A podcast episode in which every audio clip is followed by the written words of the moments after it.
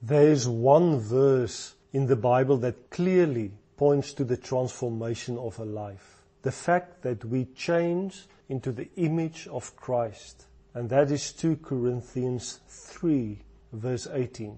But we all, with unveiled face beholding, as in a mirror, the glory of the Lord, are being transformed into the same image from glory to glory, just as from the Lord, the Spirit. It is of great importance to interpret the scripture correctly. Otherwise, constant change will not happen. This verse actually points to the Old Testament, where the law was a veil that prevented people to see the grace of God. But the death and resurrection of Jesus lifted that veil so that we can all see the mysteries locked up in the Word of God.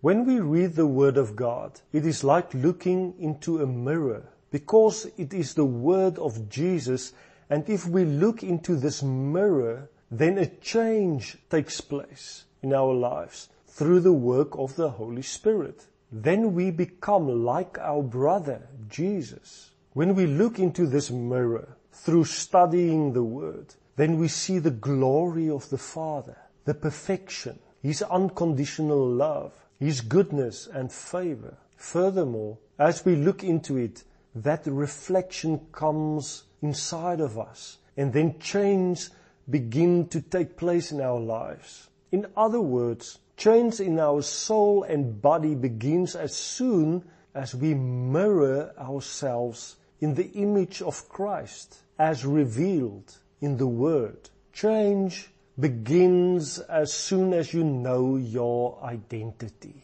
which is in your spirit. It is the departure point of everything, but it is also very important to be willing to allow change in your soul and body. Remember God has already done everything in our spirit when we were born again, but it has to be unlocked to accomplish an outworking in our soul and body. Philippians 2 verse 12 to 13 reads, So then, my beloved, just as you have always obeyed, here the always obeyed, not as in my presence only, but now much more in my absence. Work out your salvation with fear and trembling, for it is God who is at work in you, both to will and to work for His good pleasure.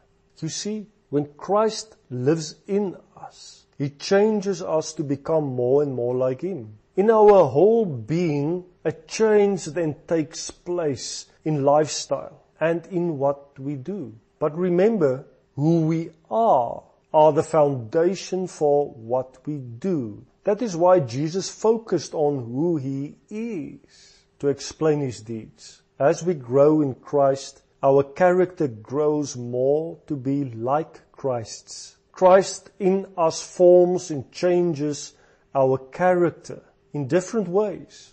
I've mentioned before, but I do so again, using the example of the fruit of the Spirit, love, joy, peace, patience, kindness, goodness, faithfulness, gentleness, and self-control. These outcomes, if you will, or these expressions of the Holy Spirit are mirrored in our lives and relationships in ways that will reflect the character of Christ.